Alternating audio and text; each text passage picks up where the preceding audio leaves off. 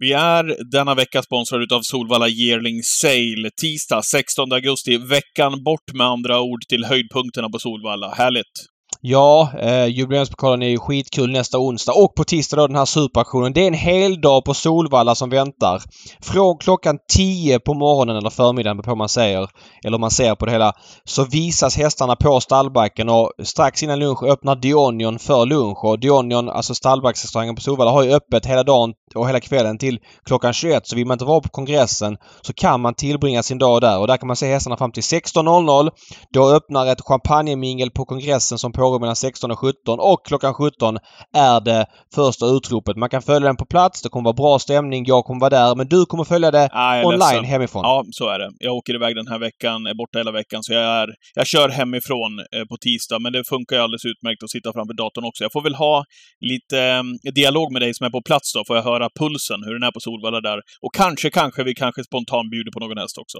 Ja men så är det. Eh, Och är man på plats så ser man vilka köper vilka. Man får ta del av stämningen och så kan man alltid surra med någon tränare som har någon skön häst i start i jubileumspokalen på onsdagen. Vad har du fastnat mer för i katalogen? Jag tänkte säga det, kan du inte ta en sväng förbi nummer 143 för vår skull eh, och kika till Propulsion-dottern Once and Forever. Längre ner på mammasidan, det blir då mormors mor. Ikora Tilly, David. Det säger väl det mesta, Mm. va? Kolsvart Ja, vi- i katalog med Victory Tilly då, bland annat, givetvis då på nästan 38 miljoner kronor. Nej, superintressant såklart. Eh, jag ska lyfta fram två saker. Dels har inte Lutfi Colgjini någon egen aktion i år. Han sprider ut dem på flera aktioner. Han har ett par ut här. Bland annat kolla videon på 115. D'Artagnan Face, Muscle Hill på Ready Cash-stort, Get Up Smart. Eh, han rör sig, han flyger fram i videon och det finns ju video på alla hästar på jellingsales.se. Man kan skaffa sig en uppfattning innan. Jag fastnar väldigt mycket för D'Artagnan Face till sättet. Sen vill jag säga en sak till. Jag pratade med Jimmy Takter för ett par år sedan hemma hos familjen Anderberg Mm runt jul i lugn och ro och sådär. Så frågade jag, ja, vi snackade lite allmänt om hans karriär, så frågade jag du vilken är den bästa hästen du har tränat? Och så sa han Tactical Landing, vilket förvånade mig väldigt mycket efter hästar som Moneymaker, Father Patrick, Shake It Carry, Muscle Massive, Trickston och så vidare och så vidare lyfte han fram Tactical Landing som den bästa. Han har ju två hästar ut på den här aktionen Tactical Landing. Bland annat 50 Tactic Lane eh, med Single Sock som mamma. Single Sock som Frode Hamre eh, ja, tävlade framgångsrikt för Frode Hamre. Var ju tvåa i fyraåringseliten för ston 2014 bakom Dead Divine Miss F. Mm. Den kommer jag också hålla ett öga på. Ja, häftigt. Du, apropå Pro- Propulsion bara, en kortis där. Eh, Redén hade några hästar ut här på, på Romme för några dagar sedan. Propulsion-döttrar båda två. De kommer nu! Jag har märkt det. De är på gång nu. Eh, wow, vilken eh, gång och lunk det är i dem. Så att, eh, ja, vi har någonting att se fram emot nästa tisdag helt enkelt. Verkligen. Tack säger vi till Solvalla Yearling Sale. Svensk seger eller vad är det frågan om? What the horse, what the driver! Och med det så är vi då igång med veckans podd. Hej David! Hej Patrik! Hur eh, är status? Den är bra. Jag är hemkommen från eh, en vecka i Italien och eh, långt där borta i tunnelns slut ser jag nu vardagen komma flygandes mot mitt ansikte. Ja, jag förstår det. Hur, På gott och på ont vill jag säga. Jag tycker Ja, det är väldigt härligt med vardag och rutiner. Eh, samtidigt som man haft en skön och varm sommar. Men den är inte slut än. Det ska bli väldigt bra väder här kommande vecka. Eh, dessutom går vi in i den bästa det är klart, Elitloppet isolerat ska jag säga, men den bästa travperioden är ju faktiskt nu med derbykval, derbyt, kriteriekval, kriteriet från alltså, ja men typ idag med de här Breeders Crown försöken på Mantorp fram tills kanske då kriteriefinalen i slutet på september. Två månader fullspäckade med topptrav. Det är nice. Det är nice. Nästa vecka också jubileumspokalen. Du kanske sa det, men jag har följt er där i Italien också. Det har blivit mycket Yatzy och mycket glas har jag sett. Eh, mycket Yatzy, mycket glas har det blivit. Ätit, kanske ätit en burrata om dagen som det känns. Ja. Eh, jag känner mig inte i fysisk topptrim men jag har ett gym ganska nära jag bor i, i stan så att jag ska börja träna lite hårdare helt enkelt. Svårare än så är det inte. Nej, svårare än så är det inte, David. Du, vad härligt att vi är igång. Vi har mycket att bena igenom i den här podden. Vi ska komma till veckans V75. Vi kan väl bara starta upp där med att säga vilken kanonomgång vi har framför oss på Åby, med tanke på att det inte var någon som fick sju rätt på Rättvik eh, här i lördags. Nej, jackpot är ju kul såklart när man gillar att spela på trav men det extra kittlande är det när det har varit svårt veckan innan och det var ju ingen som hade den eh, på Rättvik i lördags vilket gjorde att 21,4 miljoner går över till lördagens Åby Stora Prisdag från Åby. finaler, ganska jämna lopp, profilstarka hästar. En omgång vi kommer att gå igenom lite senare i podden. Ja, verkligen. Men eh, vi startar på ön. Gotland, Visby, V86. Ska vi inte backa bandet ytterligare två dagar innan bara så vi tar det i kronologisk ordning? San Motör på Solvalla. Ja, det kan vi göra. Vad tyckte du om San Motör? Det var ju stora snackisen på sociala medier såklart efter den här prestationen. Vad var det för prestation vi fick se av San Motör, tycker du? Ja, vad gick han? 07,7 sista varvet? Typ. Jag såg det på någon eh, hastighetsgraf som Kudden la ut på, på Twitter. Uh, jag pratade tidigare här, uh, var det senaste avsnittet när jag var lite skeptisk till Calgary Games status. Nu körde Timo Nurmos ytterligare ett barnjobb med honom. Det var väl det fjärde, tror Ja, jag. du, kan det vara tredje? Du, du är väl skeptisk till hans matchning överhuvudtaget? Rakt Calgary ut Games? i jubileumspokalen här. Ja men det är klart att det är, alltså Timo Nurmos hästar i, i många fall är de ju som bäst direkt efter vila. Så det Exakt. finns ju såklart på kartan att hästen kan vara som bäst. Men att han fortfarande betäcker, alltså den här dagen han, Timo körde jobb med honom, då betäckte han fortfarande. Och, ja, men jag sa det att jag blir inte förvånad om han inte kommer till start. Och sen så blir jag heller inte förvånad om han ehm, inte bara brakvinner sett till hur överlägsen han var i sin kull. Men till det måste nu addera att San Motör ser, ja eller ser och ser, han är briljant. Han är Eh, brutal. alltså han var- Han är brutal. 10-7 full väg. 0-7 och 7 sista varvet. Han gjorde jobbet utvändigt om Giroud som också var väldigt bra den här tävlingsdagen. San Motör, eh, ja men det känns som att han är väl den som relativt sett har tagit störst kliv Mm. i sett till förra året. Med det, det vet vi inte med Calgary Games för han har inte startat som femåring. Nej. Men eh, att han ska ta, lika stort, ta en lika stort kliv som San Motör gör Uh, utifrån hur bra han var förra året, då är Carey Games världens bästa genom tiderna. Det var ju fem getingar prestation såklart av San Motör. Jag håller med. Uh, och som vi sa, det var en brutal prestation som han svarade för. Därför får man väl svära lite grann i kyrkan när vi ändå har lagt ut mattan och sagt vad vi tyckte om San Motörs uh, eh, prestation. Man kanske får springa lite grann ner och hänga på en töm över upploppet i de farterna. Det kanske är för mycket att begära att han ska springa rakt fram i de farterna så lång tid. Eh, Det kanske Ja. är så, David. Men det är ingen som har sagt någonting om det. Man har inte läst det någonting, men jag tyckte att det var lite den tendensen över upploppet. Men med det sagt, det kanske man kan få göra när man springer de där farterna. Man, man kan kosta på sig det. Mm.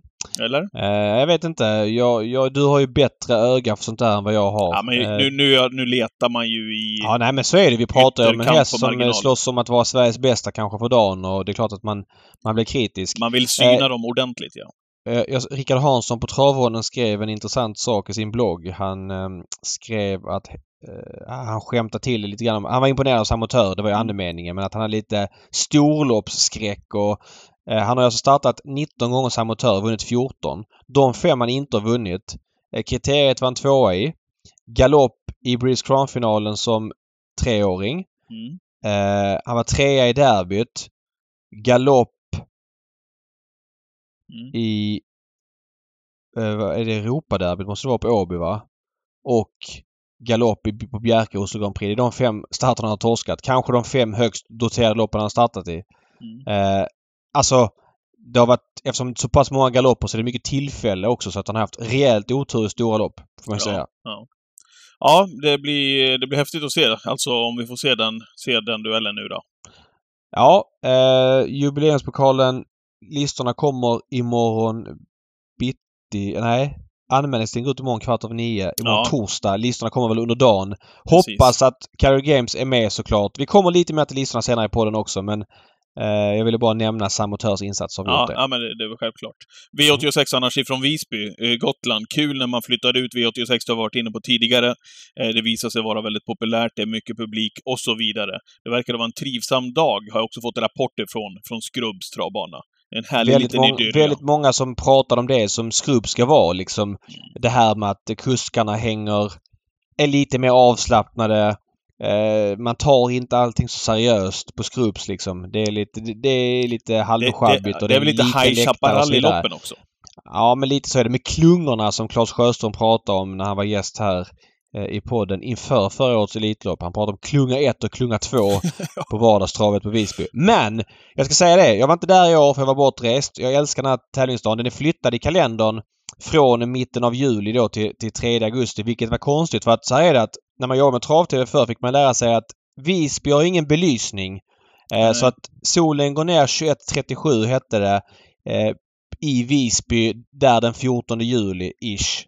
Mm. Eh, och efter det kan inte Visby köra lopp för det är för mörkt. Men nu blev det, dels sköt man fram det två och en halv vecka.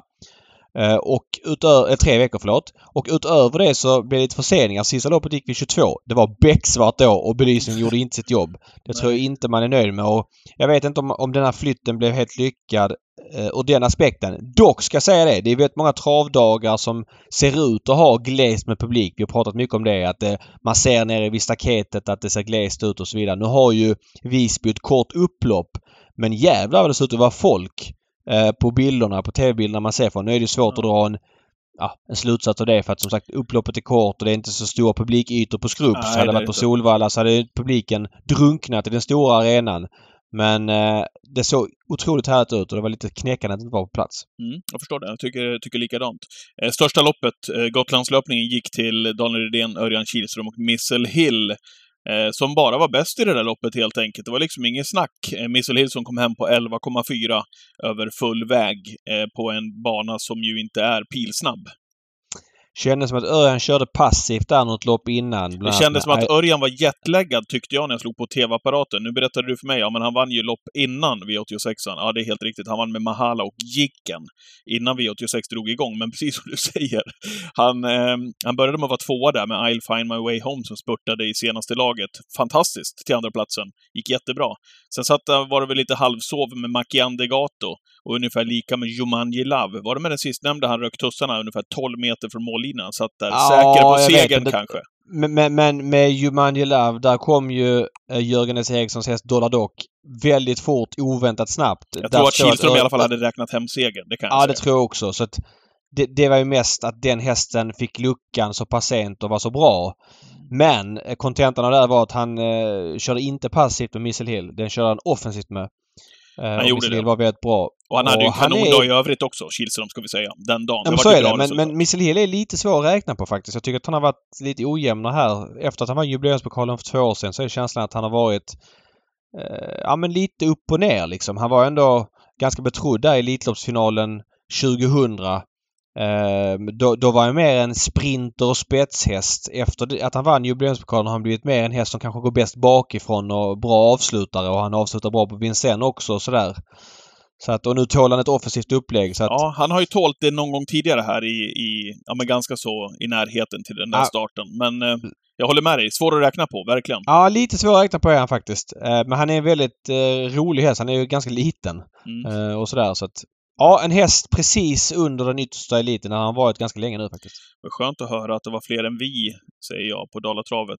Eh, när jag säger vi då, i och med att jag refererar där. Eh, som spelar bongosång också. Du Det, menar det, att man, det gör dig upprörd.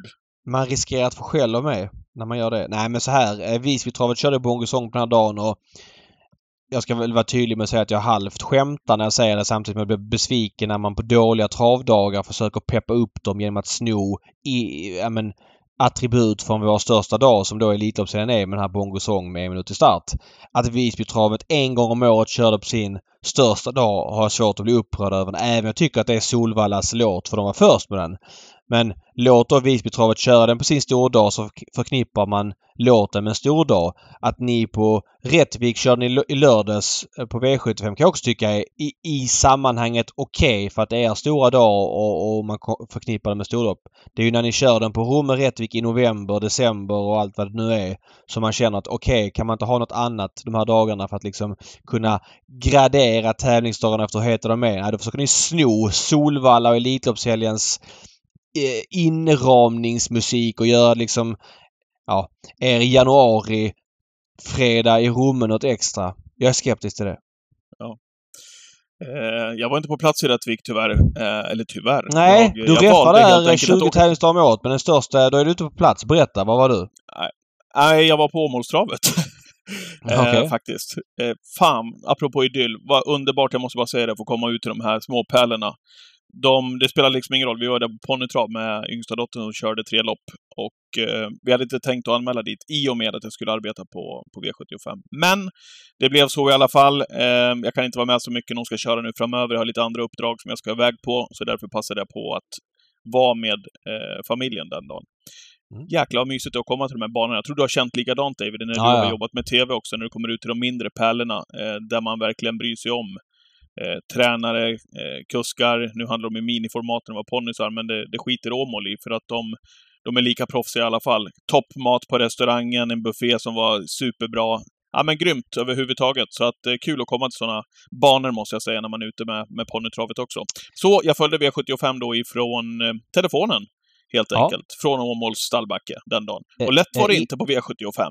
Nej, det var ingen som hade den. Vi kommer in på det strax. Jag ska bara dra en kort story på tal om att jobba med TV och komma till mindre banor. Benny Haag kommer vi ihåg allihopa ju. Han jobbade med trav-TV Mm, ja, slutet på 90, början på 00-talet. Jag jobbade aldrig med Benny. Eh, han slutade innan jag började med det. Men du har gjort det många gånger. Men han var ju en Mm. karaktär i Sven och Benny-konceptet som jag då som icke travintresserad tyckte, kunde tycka var kul och som jag också gillade när jag blev travintresserad även om jag inte var lika smal i mitt intresse som jag blev senare så gillar jag alltid det programmet med Sven Melander och Benny Haag. Han skulle göra någon sån här vinnare V65 e från Dannero och så körde han upp dit med någon redaktör, reporter och sen så när han kommer till Kramfors så jag, jag tror de hade lite problem att hitta till Dannero så vevade han ner rutan vid en vid ett övergångsställe eller vid någon sån här kiosk där står massa folk. Då skriver han Undan, undan bonnjävlar! Här kommer TV4! Eh, ja. Och den grejen har, har varit liksom en skämtgrej bland oss som kan storyn att liksom skrika det när man kommer till någon mindre ort. Eh, han skrev, skrek det på skämt såklart men Ja, ja. undan bonnjävlar, här kommer TV4. Han, står gjo- han det. gjorde ju comeback, Benny Haag, i något annat format, kommer jag ihåg. Eh, Det var mest då vi jobbade ihop. Det var inte under den här Sven och Benny-perioden där man Ah, körde okej, okej. Utan, med badmössorna, utan kom ju tillbaka faktiskt och körde i något annat format. Kommer inte ihåg, det var så Ja. länge sedan. Ja. Okej då. V75 fick jag följa från mobiltelefonen och det var inte lätt. Även om det började med L. Elroy. Jag hade mm, konversation med en av mina kompisar som skulle på eh, travet. Eh, De hade bord där och så skrev de så här, "Ja, men, tråkigt att spika L. Royal i första, då vet man ju vart utdelningen landar. Ja. Eh, ja. Nu vann han. Det var väl den enda favoriten som infriade favoritskapet. Och det var ju inte, Ja, man var inte eh, nära att ha sju rätt. Så många Nej, det, det blev ju svårt däremellan. Eh, han kom ju till spets och var bra och vann enkelt och jag kände samma sak för jag eh, spikade ju um, det här kallblodet Ramstad Balder och då kunde jag inte spika El Royal så jag garderade den. Så jag Precis. kände mig schackmatt när jag hade vunnit första. Mm. Eh, och sen så ja, blev det ännu mer schackmatt på vägen. Jag ska säga det att Global Badman är en häst som vann ju långa E3 som treåring och när han får mycket pengar på sig och har lite mellanår som fyraåring. Jag vet att han var med i derbyts final. Det var ju en merit i sig men han eh, fortsatte ju inte liksom att slåss mot de bästa utan han deltog mer och hade vissa toppar. Att få tillbaka honom som femåring att vinna gulddebuten på det sättet som han gjorde i lördags. Det är sjukt imponerande Det, tränarjobb. det var väl ett snyggt, ja, och snyggt drag i loppet minst sagt av, av Det är ju nästa också. grej men den är ju mer där och då liksom. Alltså det är lite Ja. slumpartat, lite tur att Fredde B sitter och sover samtidigt som han kör till. Så att där finns det flera element eh, som där turen är, är liksom en tyngre faktor. Men att han eh, får honom i det skicket och att han kan köra så. Eller att han kan, alltså att, att han är så pass bra nu som femåring att han lät han eh, ta den tiden han behövde liksom. Det är lätt att bara starta på. Sen är de liksom helt finito när de kommer upp i, i, som femåringar i guld. Men nej, jag gillar det sättet att matcha som Westen gjorde. Att han tog det lite lugnare när inte hästen var där. Det vill jag verkligen Ja. hylla. Det gjorde inte Nurmos med Seismic Wave, som vi undrade om status när han startade där i Bollnäs var det väl, va? När han inte såg speciellt bra ut. Och så anmälde han vecka, vecka. Han var Mm. spelad på 18 procent faktiskt i lördags eh, och var sexa i mål på inte den, på det bästa sättet stilmässigt, Seismic Wave. Där vill det nog till faktiskt att han har ett pannben utöver det vanliga om, om det ska bli den gamla Seismic Wave igen. Det kanske, det kanske redan är för sent. Ja, det tror jag absolut att det är. Dels att han var i USA som unghäst och fick eh, säkert lite tuffa lopp där. Sen var han ju otroligt bra för numret när han klättrade genom klasserna på V75 och var egentligen, eh, ja men, men vad ska jag säga, topphäst fram tills han var favorit i Elitloppsförsöket. Eh, och sen gick det väl, har det väl i princip bara gått ut för han vann ju ett lopp på Färjestad på 10 blankt för Björn Goop förra hösten. Men eh, jag har också lite svårt att förstå, alltså så här, Timo Nurmos vet ju vad han håller på med. Av det är ju någon anledning han startar vecka, vecka eller tätt här tre veckor i rad. Men han, han ser ju inte bra ut hästen. Så någonting är det ju han inte får till i loppen. Eh, och sen så Eh. kanske att, ja, att han har fått, ja, jag vet inte. Han fick en skada och sen är det svårt att komma tillbaks och sen så har man mycket pengar på sig. Han var helt plötsligt i guld och så vidare.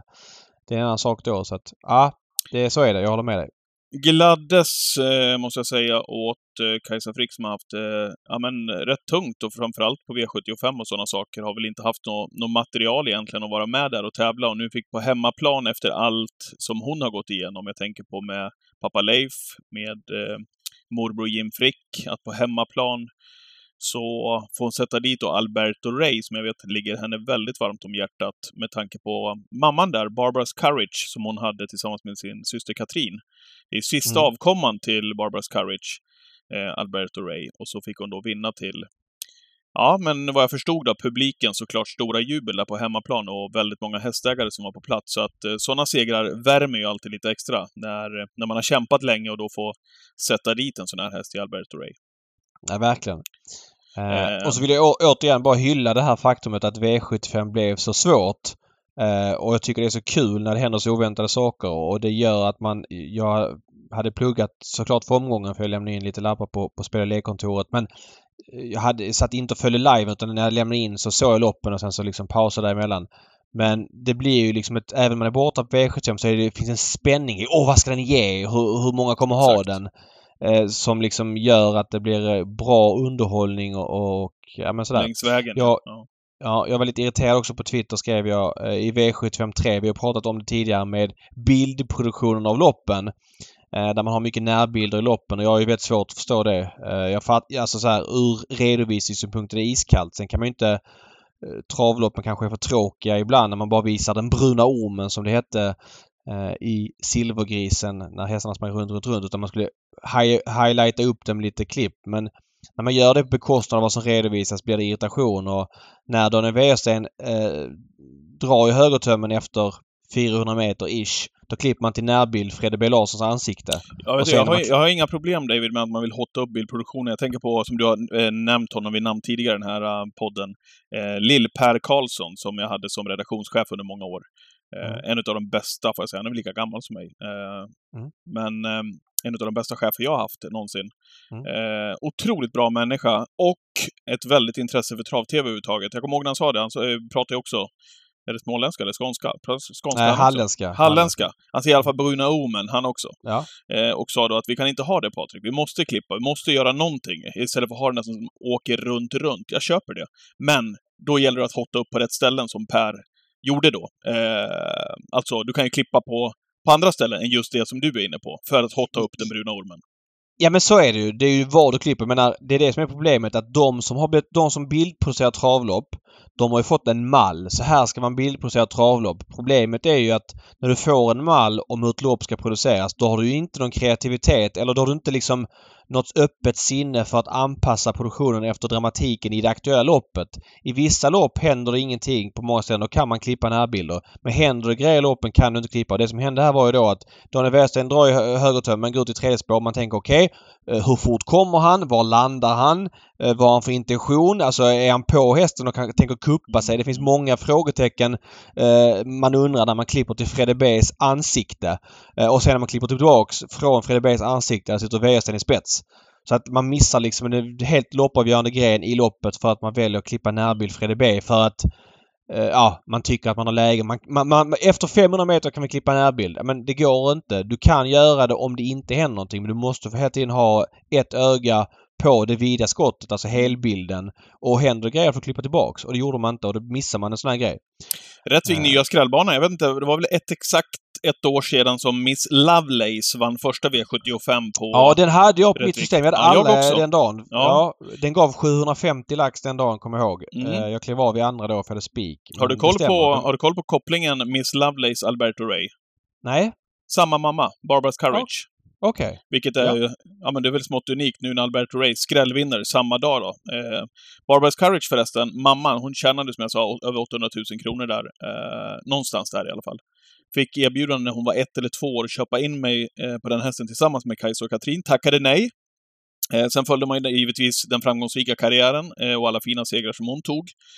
Vad gör man då, David, när man har tackat nej och så ser man den där hästen starta varannan vecka? Mm. Man går till auktionen och så köper man... Syskonet? Syskonen. Två ja. stycken. Det måste ha varit de sämsta utan att jag kollat till Misty Broline som var mamma. Mamman då, eh, köpte då Mr Brolines två stycken avkommor som heter MT Da Capo Girl och MT Encourage. De tjänade ihop 5 500 kronor. Ja. Så det ska, man ska Ja, inte göra det. Man ska inte gå och köpa syskonen där man har gått bom på en av hästarna. Det, Ja, Det kan man göra också om det är lite ofta tröst. går det dåligt. Ja, men ofta jag går det fattar, dåligt. jag fattar, jag fattar. Eh, har du något mer från V75 där? Eh, Rättvik? Nej, Eller kul vi- att Fine Ferox Brick fick vinna V77. Det var ju en häst som lovade mycket som eh, treåring men har inte fått till det på grund av skador och så vidare. Och han startar ju eh, det är där upp till bevisloppet som du sågade när Patrik Fernlund vann honom. Då travade han ju knappt till slut. Men eh, jag var väldigt förvånad att han var så pass bra från spets den här gången att han höll ihop travet över 2,6. Mm. Och det är ju tecken på att han är på rätt väg kanske. Det var ju... Eh, de sålde ju ut många av hästarna eh, i stall. Jasmine Ising, Patrik Fernlund och även Ulf Stenström. Men det var ju samma Ja, det var ju ägare. Precis. Philip. Precis. sålde Ja, ut många eh, och fick många till salu och fick behålla många också. Vilka resultat de har haft sedan de sålde ut de här hästarna. Krusidull tvåa, Ferox Brick vann, Jagger Miraz har vunnit, Hefner Ram var tvåa häromdagen. Så vann väl också Gordini Brick här för någon vecka sedan med 110 000 i första pris också. Eh, direkt efter de gick ut och eh, skulle sälja Men, de men det hästarna. där är nog ett resultat skulle jag säga. För Jasmine Ising hade ju alla hästarna först och det gick ju inte så bra för henne under en period. Det började bra med den här Green Mamba eh, och någon till och sen så gick det mycket sjuka hästar och så vidare. Jag vet att de fick jag prata med Patrik om det här och, sådär och sen så... Hon har Eh, när hon- jätteleverans nu. Jätteleverans. Ja exakt men sen när hon bestämde sig för att skära ner liksom Mm. var ett tag sedan så gick ju hästarna bättre. Och då var det ju så många hästar som var i så låg klass. Även av dem som hon själv behöll. Typ Ferox Brick och ett par till. Men även de som skickades vidare till Stenström och Hattusa och, och några andra. Alltså vet du, det var ju en hel drös. Och de du nämnde precis också. Så att alla kom ju från ganska låg klass och hade mycket pengar att tjäna. Och de har gjort också både hos Jasmin och hos andra tränare. Får man säga. Jasmine har 33 segerprocent just nu. Har, Ja. Och hästarna, eh, ja men de presterar ju verkligen. Eh, det var V75 det. Tommy Jansson skrällvann förresten med ett kallblod. Har ni hört den förut kanske? Eh, Hambletonian. Vallemattis ska Ja, vi säga att han heter också. Eh, Hambletonian, förra veckans gäst, eller om två veckor sedan, Marcus Melander. Det blev ingen seger, men det blev en andra, tredje och femte plats i Hambletonian innan det var klart. Eh, däremot så vann han ju Peter Horton. Eh, ja, vad, vad säger du om Marcus Melas eh, dag? Ja, han sa ju efter att han var nöjd. Han körde väl in mellan 600 och 700 000 dollar. Han vann ju Peter Horton med Killmister och han var tvåa i Peter Horton också med Owell och han hade måltrean också i Peter Horton som jag glömt bort namnet på, som Örjan körde, som galopperade och blev nerflyttad till fjärdeplatsen. Eh, så där, so far so good. Sen i Hambletonian då så såg det väldigt bra ut i sista sväng. Framförallt när Örjan såg ut att ha och stubb kvar i sista sväng med Temporal Han- Hanover och ytterligare ett S i rockarmen när Joviality fick luckan invändigt. Då tänkte man att oj, nu blir det Marcus Melander seger. Fan vad gött liksom. Ja. Eh, och så dök det upp en häst man knappt kan namnet på. Eh, Ja, men ett, ett, ett, ett, eno- ett enormt härligt namn att räffa. Cool Papa Bell. Cool Papa Bell som vinner Hambletonian. Alltså till 53 gånger stod han i den lokala poolen. Jag tror han stod i 113 gånger på ATGs pool. Det var väl ungefär en halv mil omsatt i den vinnarpoolen. Men eh, en superskräll eh, i avelslöpningen Hambletonian vinner alltså en Wallach. Eh, och tvåa är ett sto. Så att eh, ja, det var som det var. Eh, jag vet inte vad jag ska säga. Det är klart man höll på Joviality och Temporal Hanover Ja. eh, på det upploppet. Men ja, det är som det är. Eh, de var jättebra båda två. Jim Campbell Eh, hade en bra dag. Väl, sa du? Man får säga att Jim Campbell hade en bra dag. Ja, han vann både Hamburg Oaks och Hambletonian. Två skrällsegrar. Eh, Rebuff svek som favorit och... Nej, det var väl ungefär det. Jag, som jag sa i förra podden, jag tycker amerikansk travsport jag går inte igång på det alls som jag gjorde förr. Men den amerikanska hästen älskar jag. Jag såg givetvis de här huvudloppen men 15 lopp. Det blev en väldigt lång tävlingsdag framför liven ska jag säga. Jag vet inte hur folk upplevde det på plats men kul att man fick vinna med Killmister. Han är väl obesegrad. Han har väl fyra av fyra nu och segern i Peter Horton innebar också att man fick spår 1 till 5 i Breeders Crown senare i höst. Eh, Marcus Ja. pratade lite om att Peter Hortons standard hade sjunkit lite grann och det är lätt att förstå när 11 hästar anmäls. En går direkt vidare, en slås ut i försöket och sen så tävlar man igen typ två veckor i rad. Var det en svensk känna på ledaren-styrning av Öje Kila? Jag, jag tänkte med när han sände fram och bara eh, smygtestade med Temporal Hanover. Jag tänkte om det hade skulle varit en riktigt, förstår vad jag menar? En riktigt sån här amerikansk liksom kör vad som tygen håller och så blir man släppt till ledningen. Det var liksom, smög fram lite grann, kände på ledaren. Och sen kom rebuffsen då istället. ja, jag fattar vad du menar. För att det man ska tänka på det är att kurvorna blir mycket vidare på en milebana och det kostar ju mer att gå liksom i andra spår i det läget än vad det gör på en 1000-metersbana. Örjan ser ut att ha rubb och stubb där. Kanske att, att det movet inte blir lika effektivt som på 1000-metersbanan. Samtidigt så har inte jag data, tillräckligt mycket data för att säga att det är så. Eh, jag, jag, jag vet inte vad Örjan skulle gjort annorlunda. Jag blev lite förvånad att Brian jag, jag tänkte om just sändningen fram där, om den var Fast han sände ju inte fram, han gled ju fram. Att Ja, exakt. Just det. till hans försvar, alltså jag blev förvånad att Brian Sears körde spets med joviality. Alltså jag hade inte pluggat loppet och det kanske var utsagt att det var så. Men för mig, sett till hur man kör i USA och Sears brukar liksom vara väldigt flexibel, att han liksom valde att svara. Ja, och sen släppte kör- till rebuff istället. Ja, jag vet. Men nu körde ju inte Örjan någon längre sträcka utan han kröp ner i rygg. Och sen kom ju Tim Tipri med, med rebuff väldigt fort och då var det ju inget snack om saken. Nu fick han ju ryggledaren Ja. med eh, joviality. Jag säger Men inte att det är så, men man sitter ju med facit i hand. Men det kändes Nej men så är det. Men jag vet inte vad Örjan skulle gjort annorlunda därifrån och in. Alltså Nej. han gick ut i, i andra spår när de började komma bakifrån och, och det var ju hästarna började tappa travet där bakom och så vidare. Så det var ju ingen riktigt som hotade honom. Uh, Så kom ju den här Cool Papa Bell från typ fjärde in och som blev tredje in och fick luckan Ja, och det blev galopper. Och det var ju svårt att köra mot den liksom. Så är det. Jag tänkte mest i första skedet att han skulle Nej, ha kört mer, mer hårt mot själva, mot joviality. Så kanske, kanske hade Ja, du tänkte där? Ja, Ja, ja. Men då är det om, om Sears svarar då är det två Marcus Melander hästar som kör mot varandra. Alltså, Exakt. Jag vet inte. Jag... jag, jag... Ja, det, är det, det, är den, det är det movet jag Ah, Okej, menar. jag alltså att det var försiktigt. Att han, för- att, att han satt och höll nej, i nej, bara där nej, liksom. nej, nej, nej. Ah, nej jag ingenting där. Nej. Jag fattar. Nej. För nu Ja, var det ju rebuff, för den, den, eh, där kom de ju mer resolut, om man säger. Ja, och det kostar ju också ganska mycket. Eh, Jag ska Så komma till det senare i programmet om Team Teatrix styrningar, men... eh, Jaha. Ja. Mm. Ja, ja. Nej, Man sitter där med facit i hand. Ja, så nej, jävla så kul ändå Jag- att se Örjan i de där loppen, måste man säga. Att vi har en svensk eh, världsdriver som är där och kör Hambletonian. Det är ändå... Det piggar ju ändå upp när man sitter där på natten och tittar, måste jag säga. ja, men så är det. Och det som är kul det är att Örjan kunde blivit den första som har vunnit Hambletonian, Prix d'Amérique och Elitloppet som Mm, kusk. mm. Ingen har gjort det tidigare, men... eh, Nej, men han får nog fler chanser för Marcus Melander kommer nog ha fler, flera hästar i, i det där loppet framöver som Örjan kanske kan vara andra, tredje kusk på. Vi får se. Så är det nog. Nu är V75. Lördag. Ja, vi tar vilken, eh, vilken kvalitet håller V75 7? Tänker givetvis då på um, Åbys stora pris med en och en halv miljon till vinnaren.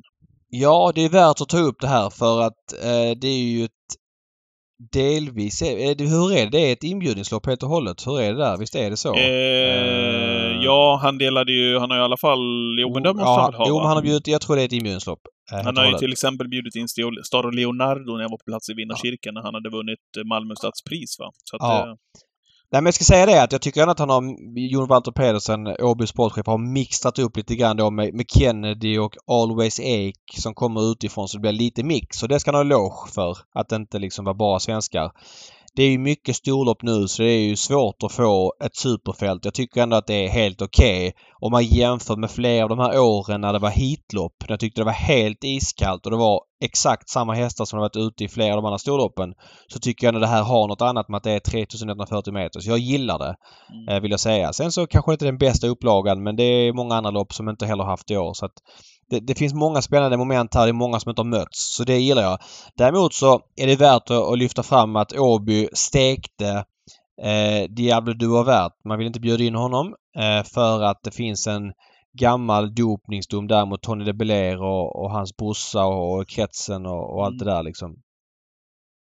Så att, eh, och, och det ska vi säga att den hästen stekte Jon Walter Pedersen redan förra året till loppet. Sen så och, du ska säga att Åby Pris är ett inbjudslopp och sen så var ju Diablo varit med i Harpers i år. Eh, men det är ju ett anmälningslopp. Eh, vilket gjorde att, ja, Solvalla kunde väl sagt nej eller stoppat eller Svensk Travsport. Men, men på vilka grunder? Det är, en, det är faktiskt skillnad att bjuda in en häst kontra att den får anmäla sig. För det finns ju ingen... Han är inte avstängd eh, kretsen där bakom utan det är ju... Han är dömd för medveten dopning. Så att man kan då tycka att, ja, varför är inte den hästen med? Men jag förstår ändå när resonemanget spelas upp som det är att det ena loppet... För att här måste ju Svensk Travsport kanske ha en gemensam policy för alla banor. Att det inte är att vi, en bana gör en sak och en annan gör en annan sak. Men man måste skilja på sakerna för att jag, jag vet att Anders Malmroth tyckte det var rätt skönt att han slapp bjuda in eh, Diablo Vert för att det, kan, det blir jävla snack om det och det är ett ställningstagande som Solvalla också gör som alla andra banor mot dopning liksom. Men när loppet blir ett anmälningslopp då är det liksom fritt fram så länge man inte är avstängd i Sverige, typ då Fabrice Loire och liknande. Mm. Så att ja, det är värt att reda ut det där, skillnaden på loppen och så vidare. Det är klart man gärna hade sett att Diablo var värt här. Samtidigt så förstår jag helt och hållet Åbys hållning och jag tror fler banor har liknande hållning. Men det är viktigt här att man gör gemensam sak av det. Att det inte blir så att vissa banor kör på ett race och, och andra på ett annat pratade med Daniel Rydén i förrgår om Hail Mary. Vi kommer till det strax, när vi kommer till Mm. V75s sjunde avdelning. Eh, vi tar leken, David. V75, jag vet att du har läst på, jag har gjort detsamma. V75s första avdelning, som enligt mig ser en liten förvånande favorit när vi pratar just nu i talande stund i den här podden, så är 5 Adde SH favorit. Kollade statistiken nyss. Föga förvånande får jag väl ändå säga, eh, så har 10, ska bara se så jag skrev ner rätt här, Eh, så har 10 av de 13 segrarna han har tagit i karriären kommit på kort distans. Och det är ju inte någon tillfällighet. Nu är det full väg. Så jag tror att han kommer få bekänna färg här sista 250-300 meterna mot Unico Broline. Vi ska säga det att eh, vill man spela V75 med oss så gör man det på spel och. Eh, det vi går igenom nu det är tankarna just nu. Sen så systemen påverkas ju och ändras ju såklart fram tills att vi ja, men lämnar in systemen. Vi kommer streama på lördag. Jag kommer streama i alla fall. Jag vet inte om du, hur ditt schema ser ut. 13 till 14. Ja, men det, jag tror att det ser OK ut faktiskt. Ja. Eh, när det är jackpot och så vidare. Så vi kommer igenom senaste nytt då. Men nu kör vi den tidiga kollen och vi har pluggat och det, ja, vissa vi. grejer vill man ju gå på ändå liksom och skriva ner. Men, jag men vill man inte att Unico Broland borde vara favorit, eller? Jo, men det kommer man bli också. Det är ja. ju något skevt här. Det är inte så mycket omsatt. ADS har jätte, varit jättebra på slutet och tål att göra en del jobb, men framförallt över sprinterlopp. Han är ju sämre över full väg och Unico Brolands kurva pekar uppåt då med två lopp i kroppen och han var ju redan V75 segermogen, segermogen senast så vann ju på väldigt bra tid. Jag håller med att han borde vara favorit. V75s andra avdelning. Jag vill säga en sak till bara. Ja. Jag är spänd på Gooner. Ja, det är du alltid. Ja, men jag är spänd på honom här. Um, ja men typ ryggledaren tredje in. Ja, kanske. Men då plockar, jag hellre, då plockar jag hellre Rotate, jag då, till någon procent lägre. Som var ut senast gick en topptid. 12 och 2 över 2 och 6 och var väl ute i Milligan skolloppet va? Det brukar ja. de få lite hårdhet av. Kanske han är tillbaka. Han är ju på jag samma gick procent på Rotate ungefär. gången innan på Kalmar men tyckte att han var... Uh, han var väl okej okay då, fick ett tufft lopp. Men, ja. Gunnar kommer få loppet uh, längst på plankan och jag är spänd på honom men jag håller med om att Unico Brolan borde vara favorit. V75s andra avdelning, klass 2-finalen, där 11 Palmyra är favorit. Hon har fått starta på eh, ganska så frekvent här den senaste tiden. Eh, var ju jättelampa på V75. Får se när var det då? Eh, Kalmar, 26 mm. juni. Oj, vad fort det har gått. ja, då var hon spelat till 1.40. Spurtade till andra platsen däref- den gången och därefter faktiskt startat tre gånger. Det här måste vara en griskalk favorit till, till 20% Hon är jättefin Palmyra och hon har gjort det bra och hon kommer att göra det bra i storlopp framöver. Men hon har varit ute i storlopp. Eh, hon har gjort sex starter i Löfgrens regi, samtliga över sprinterdistans. Bakspår full väg nu och mycket tuffare hästar. Eh, blir hon favorit så är hon inte aktuell. Här finns det ju många som är liksom bra och ospelade. Åtta Kabas. Fyra i Sprintermästaren senast. Eh, du gillar nio Rampant vet jag. Det var den som Adam vann med på Eskilstuna. Den stordagen där. Ja, så var det. Jag gillar Rampant och, och det, men det som är lite anmärkningsvärt är ju att Adrian Colginis senaste seger, nu ser jag att han startar lite grann i, ikväll, eh, när vi spelar in det här. Men när vi pratar, senaste segern så var ju det just med Rampant i Eskilstuna. Jag tror att det var 20 Juli. juli. Precis. Mm. Det är senaste segern för stallet faktiskt. Men jag gillar ja. Rampant. Jag tar honom tidigare på 11% Nämnde du Declan? Eh, Nej, Declan om. som går barfota åt dem första gången. Jag vet att Men är hårt inne. Ja, så hårt inne och jag vet att VSN gillar honom. Nu har han tjänat mycket pengar på slutet också så att det är möjligtvis att det kanske är lite för tufft. Men intressant på barfotabalansen. Två Run and Cola spurtade bra senast. Mm. Uh, nej, här finns det många som liksom kan stöka till det och som känns lågspelade. Där har vi stall i form också. Mattias Ljuses uh, hästar går oj, jättebra. Oj, oj. Uh, ja. Och Run and Cola då, barfota runt om med bike, har ju tjänat nästan dubbelt så mycket som Declan faktiskt. Kan man ju ta med sig i V75s andra avdelning. Mm. V75s tredje avdelning är klass 1-finalen.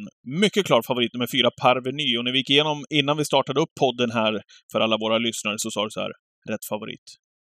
Ja, det är inte så modigt att säga när någon är 44 och sen andrahandaren i Hidalgo Heldia är 25 men Och sen är det Eh, ospelat. Det kändes som det var att han var väldigt stor favorit på Avenue. Det kändes så, ah, men, men när jag tittar på det, stall i superform. Hästen under kraftig utveckling. Sitter mest troligt i spets. Toppkusk i Magnus A. Djuse och sen hur var intrycket på Hidalgo Helga senast? Ja, var på plats. Han, eh, han började med att hoppa innan bilen släppte fältet.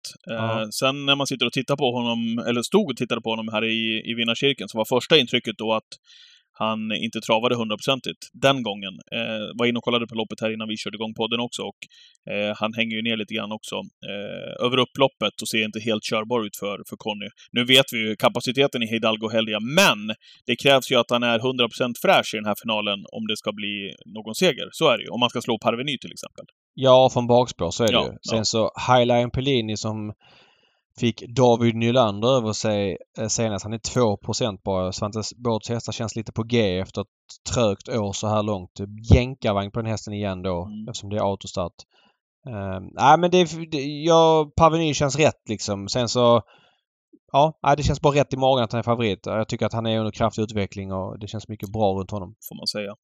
V75s eh, fjärde avdelning, Diamantstorfinalen, favorit 6 Faisa Set, som har eh, hittat nya växlar, det får man säga ändå, på barfotabalansen. Jag, jag har väl sagt det tidigare i den här podden, eller möjligtvis också i våra streamsändningar på lördagarna, att jag har haft lite svårt att ta till med den tidiga eh, Faisa Set. Tycker inte att det har varit så mycket för världen, och hon har ju alltid varit hårt spelad också. Men eh, prestationen senast, okörd får man väl ändå säga, eh, trots tung resa senast i Bollnäs. Den var... Det var ingen bluffinsats av Fajsa sett. Och det är klart, då får de jobba lite grann på 20, 20 tillägg också om de ska, om de ska ta, ta henne till slut. Med tanke på att hon har fått ensam springspår nu också. Så är det. Claes Sjöström körde henne i försöket och, och kör henne. Jag vet inte om, om det var därför eller om Örjan valde 14 Sanella. Inte Som inte är forskat- alldeles enkel kanske heller. Nej, jag har inte forskat i det riktigt men eh, det är många bra ston där bak. Jeans and Passion vet vi är väldigt bra. Restless Heart kan gå en bra repa. 1% känns ju lågt på den. Får man ändå säga. Eh, och, och ja men jag vet inte. Rätt favorit för Esa Sett.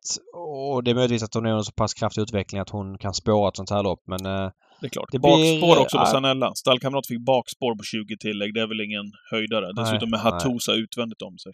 Nej, men kanske är så att eh, hon kanske har bra chans att vinna. Vi får se. Vi får se när det närmar sig. Men hon är rätt favorit i fall till 37% Kul att du nämnde Restless Heart tycker jag David. 1% och barfota balansen tillbaka igen. Där kan, det kanske Konrad Lugaro kan ha någonting. Eh, faktiskt med tanke på stretchen och han får köra och det klaffar lite grann därifrån. Mm, Det kan man tänka på i alla fall om man nu vill gardera V754. Ja. V75s femte avdelning, bronsdivisionsfinalen här och eh, fem Charlie Brown FE. Eh, börjar bli en eh, härlig bekantskap för V75-tittarna. Eh, segrarna har ju radats upp, men det blev en fjärde plats i den senaste starten. Tyckte du? Då möter han ju mycket bättre hästar. Han var ute i Eskilstunas stora fyraåringstest och fick stryk av Kentucky River Som och vann Luke för Luke. Schermer, ja. Och eh, den här Ken Ecke-hästen, den Boogie någonting. Eh, Dusk Eh, to Dawn Boogie, tror Don jag. Boogie, precis. Eh, nej men han är såklart eh, svårslagen. Han gick väl 9-3 sista varvet senast och han står fortsatt billigt inne i sin V75-klass. Det går inte att argumentera mot annat. Men det är bra hästar. Väldigt bra hästar. Det är ju liksom Santos de Castella från Innon. Aragon As spår 3. Eh, sen har vi Zorro Wind. Gocciadors hästar är ju hopplöst osäkra och omöjliga att räkna på för dagen. Eh, apropå det som det var i... Var det i lördags? Nej, det var veckan innan va, med Born to Run. Mm. Och, och exakt, det pratade vi om ju. Nej, men eh, precis. Och, och Stensson, Gerben, Bugatti Miles. Det här är ju, ja men som sagt, bra V75-hästar. Men han känns ju helt klart huvudet högre, så är det. Ja, han gör ju det faktiskt. Det Men säsongen har varit lång nu. nu. Nu börjar det bli, det har varit många toppar liksom. Han börjar redan där runt Åby eller mot, runt Paralympiatravet och sen Elitloppshelgen och sen så eh, har han fått starta på. Det har ju inte varit tätt matchande men det har ju varit eh, krävts låga tider och han har behövt vara väldigt bra för att vinna. Mm. Ja, men jag gillar ju Aragorn Asio. Jag har ju svårt att släppa honom till 12% måste jag säga, Mm. från det här läget. Även om jag vet att han står hårt inne penningmässigt. Men det är ju det är en häst med kaliber för att starta i ett sånt här lopp i alla fall, i en bronsdivisionsfinal. Det, det råder inget tvivel om det, tycker jag. Mm. V75s sjätte avdelning, då är vi inne på fyraåringsloppet. Vad tyckte du om Seven Nation Army senast på Åbergskvällen? Ja, eh, helt otrolig avslutning och det var ju inte helt chockerande. Det var ju drag på honom och han har varit bra gångerna innan så eh, det är väl rätt att han är favorit men ja, Achilles Fe, så är det med han egentligen. Han de tog en testikel i, i vintras tror jag. Och så blev han lite bättre. Men jag tror de har Är tagit det, båda är, det, nu. är det hingst slash vallack? Ja, men nu är han nog Wallach tror jag. Jag tror de har gjort två ingrepp, men det är min gissning. Eh, men han eh, fungerar, har fungerat två gånger i rad nu och avslutade väldigt bra senast på just Åbergskvällen. Mm. Eh, Donizetti har nog en rätt missvisande rad. Han var grym näst senast eh, i loppet som Francesco Zet vann på eh, Solvalla. Pre-Ridley Express. Fick ett tufft lopp den dagen och... Voltstart Se- var ingenting för honom senast på ön. Nej, inte bara det. Han galopperade flera gånger i loppet också, ska Mm. sägas. Så att eh, jag vet inte vad felet är på honom och... Ja, han fick ju tuffa lopp som treåring och har inte fått alls att stämma i år men... Är han... Får han göra en insats näst, som näst senast och slipper gå liksom i, i tredje spår så borde han vara underspelad här till eh, 11% 12 Eh, kan det vara så att Seven Nation Army, feelingen där att det är en supersprinter, att fullväg inte talar till hans fördel, även om man kan vinna givetvis. Men jag tänker att 10-8 prestationen senast över 1600 meter och sen... Ja, det är väl Tyckte kanske han, bara en han var grym Copenhagen Cup-dagen över full Det, kan, väg. det, det kanske är så, det spelar det är kanske ingen roll. inte min känsla. Ja. Försöker hitta något minus på Nej, jag fattar, jag fattar, jag fattar. V75-avslutningen då. Ja, vi har vidrört det. Pratade med Daniel Redén i måndags. Pratade lite grann om Hail Mary. Eh, ja, jag vet inte. Kan han vara mer nöjd, tror jag? Nej, jag tror inte det. det han låter sagolikt nöjd med Hail Mary. Och så som han såg ut senast i Eskilstuna. Vissa hävdar ju att han har sett bättre ut tidigare, men eh, jag står fast och säger mig att det var... Jag vet inte om Örjan Kihlström har passerat mållinjen med så mycket kraft någon gång i sin karriär Mhm. faktiskt. Ungefär åt det Jo, hållet. men det, nej, men så är det väl. Eh, det är klart att han är ju stor lottningsvinnare. Milligan School som har hittat sin gamla form igen och var så sjukt bra eh, senast. Från spår 12 får det svårt och det är klart att Hail Mary mycket tyder på att Örjan borde kunna hålla upp här och Ja, vad ska hända då? Vem ska göra någonting? Det, det som är lite kittlande är ju då att Gabriel Gelomini och att Gocciador och de två finns med i leken. De kan göra någonting i loppet kanske och Kennedy har ju varit jävligt bra i Frankrike. Det måste vi ha klart för oss. Han är inte alls samma häst som, som han var i Sverige tidigare utan han har ju utvecklats mycket hos Erik Bond och eh, det ska man ha med sig men det är klart att ja, Hail Mary är väl nog huvudet högre men han är en väldigt stor favorit också. Det är svårt att vinna pengar genom att gå på dem. Även om man kan göra det Lex eller Royal i lördags så Ja, är det ju händer det väldigt sällan att det, det fortsätter skrälla sådär. Så är det. Och även om det kanske skulle vara så att man blir utmanad och han blir sittande på innerspår så har han ju stretchen att tillgå på Åby. Han lär ju ändå hamna väldigt, väldigt Ja, långt fram. så är för det, Kihlström men- löser ju det där innan det är klart. Så. Så är det, så är det. Mm. Uh, liten varning bara. Långskott och sådär men Brother Bills avslutning senast var ju ruskigt bra där i Årgäng. Mm. Magnus har ljus igen. Spåret är bökigt men uh, jag tycker att han blir bortglömd alltså. Du nämner inte din favorithäst. Rackham? Mm. Nej men det är, han är nog också underspelad till 2% så är det. Han vinner väl det loppet oftare än en gång på, på 50, så är det. Mm. Eh, så att jo, ja, jag håller med. Det, Ja. Du har rätt där. Tack för Ja. på, påminnelsen. Varsågod. Eh, ja, det blir spännande det där och eh, det är bara att hålla utkik. Eh, har ni inte eh, hängt med oss på lördagar, hur gör man? Jo, man laddar ner Twitch-appen. Det, det, det är det första steget. Ja, eller gå in på Twitch på internet bara kan man också göra. Men det, det är Ja. härligt att ha appen också, för då, kan man, då plingar det till också i telefonen när det, är- när det är dags, så att säga. Så går man in på Gambling Cabin och söker upp oss där och så kan man eh, få push-notiser när sändningarna drar igång. Det är inte bara vi som kör eh, stugan på Gambling Cabin. Långt därifrån. Vi kör ju travdelen. Eh, sen händer det mycket annat i Gambling Cabin också. Ja men så är det. Fotbollssäsongen har dragit igång nu och eh, ja, det är mycket andra spelformer eh, som de tar vid efter oss på lördagar eh, och, och sådär. Så att eh, det är full rulle och snart börjar US Open med tennis och då ska vi köra med Mats Wilander igen. Och det blivit längtar upp. man ju inte för att sätta sig i soffan och titta på. Ja, har varit uppskattat under Franska öppna och Wimbledon. Så att det, säsongen har börjat på riktigt kan man säga. Det var jag som var en vecka sen in med lite längre semester. Okej, eh, nästa vecka så har vi vidrört tävlingarna redan. Eh, har du tittat till anmälningslistorna? Nu är det så här, det är, det är mörk anmälning så det går inte att hitta hästarna, men du ser ju hur mycket det är anmält till Valla och, och så vidare. Eh, ja, Ja, det, det det, är här... ju få ljusa lopp så att säga, man kan titta på Ja, hästarna. jag vill bara säga något kort här. Den här Big Noon-pokalen är ju den onsdag, nästa onsdag. Mm. Och det känns som att det är ett skitkul lopp med fyraåringarna och 20 meters tillägg på treåringarna. Men det blir alltid tunt för det ligger i en storloppssäsong. Vi har E3-finaler snart eh, och vi har kriteriekval och så vidare. Så att Hoppas det loppet blir fullt. Det är sju anmälda där. Hoppas det blir fel. Fler. För det är ett riktigt kul lopp. 300 lax till vinnaren borde locka några fler kan man tycka man. Det är så härligt också vad som döljer sig bakom de där svarta prickarna på Svensk Travsport på, på anmälningarna. Eh, 21 hästar till exempel anmälda då i... Mm, Men det är stängt stor-EM. Det var ti- ja. tidigare eh, anmälningstid där och Heliado Gutierrez skulle ut som vann, eh, som vann eh, storeliten i Elitloppsserien. Det blev ett kul inslag. Bland annat. Verkligen. Ja, det ska bli härligt att köra en mini-lucköppning här till nästa eh, onsdag på Solvalla. Det blir en toppen eh, dag givetvis. Okej, vi avslutar med veckans hiss och diss då. Får vi se vad har vi att bjuda på där då. Det gör vi.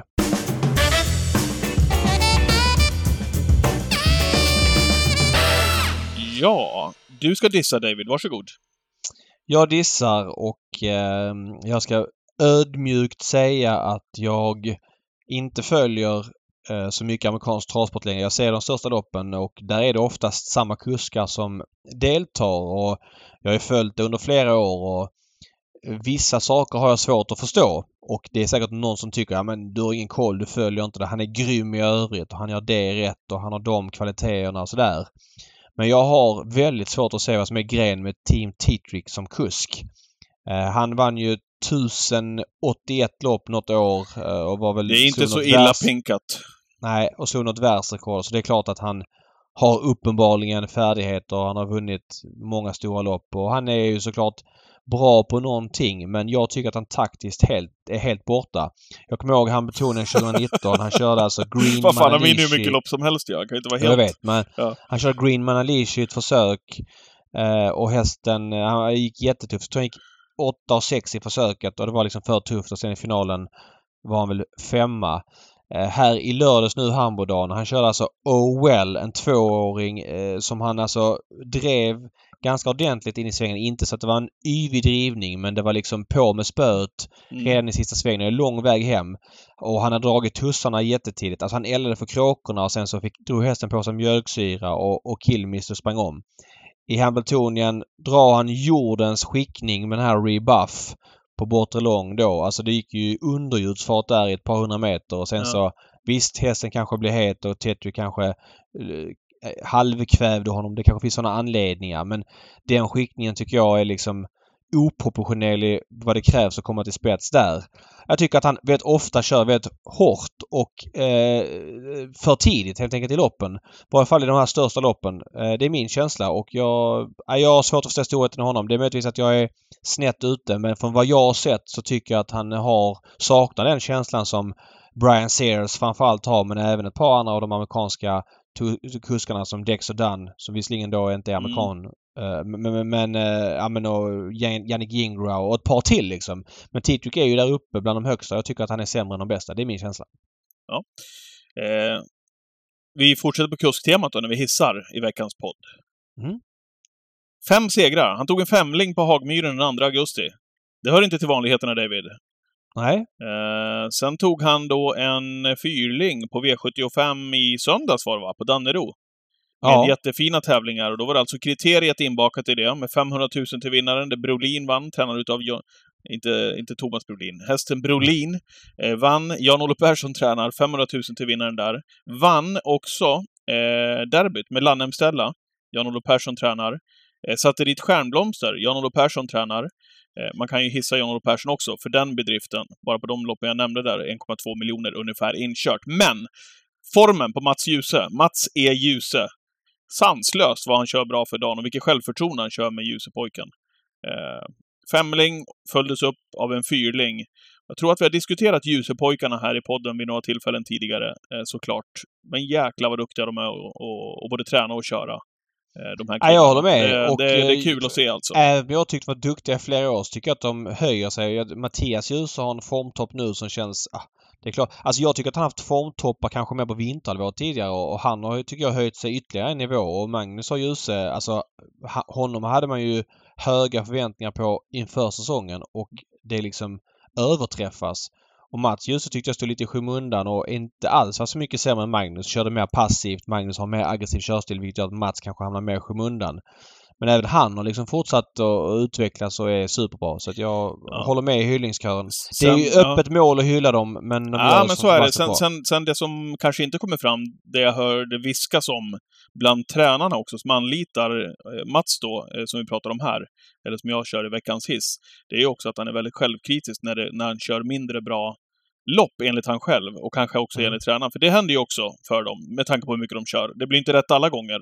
Men att ha den insikten och kän- känna och klämma på det loppet och ta till sig kritik och flytta fram istället och ja, du vet, bara hela den dialogen, det är ju otroligt moget måste jag säga. Så att det är ju en sida som man kanske inte märker av, utan man, man ser de här resultaten mest. Men eh, ja, mogna killar som kör otroligt bra. Så Mats Ja. E. Djuse, han blir veckans hiss i Travpodden. Det känns ju bra. Eh, ja, det känns bra och eh, det var ju de här loppen vi snackade om förra veckan att kallblodskriteriet och kallblodsstort, det är ju väldigt ojämna lopp och, och flera hästarna debuterar i försöken och sådär. Och att en tränare eller två tränare dominerar så pass mycket, det är väl att de är väldigt skickliga men det finns ju också en signal om att alla inte satsar på de här loppen för att hästarna inte är redo. Så att, och det är hästar av hela upploppet på upploppen så jag tycker nog man kunde skjuta på det som vi sa förra veckan. Kör Mm. och, och, och eh, kallblodskriteriet och kallblods... Eller vad heter det? Oaks? Derbyt. Ja. Nej men treåringarna, Ja, alltså flytta ja, upp det ett år. Ja, ja, De tävlar som fyraåringar och kör derby till ja femåringarna. Ja, det var du inne på. Ja, det känns som en, vinna, en vinnare helt klart. Ja. Vi vidrörde att Gambling Cabin gör den här podden, David. Det är kul. det gjorde vi. Jättebra. Mm. Tack Och, Patrik. och det är väldigt kul att det är många som lyssnar där ute också. Vi gör den för er. Vi är så glada att ni lyssnar vecka ut och vecka in. Häng med oss på streamen, Twitchen nu på lördag och missa inte för all del Solvalla Yearling Sale nu på tisdag. Gå dit och titta på alla fyrbenta eh, hästar och ha trevligt. Drick champagne med David och alla andra i kongressen. Ha det bra. Hej. Hej då. Hej.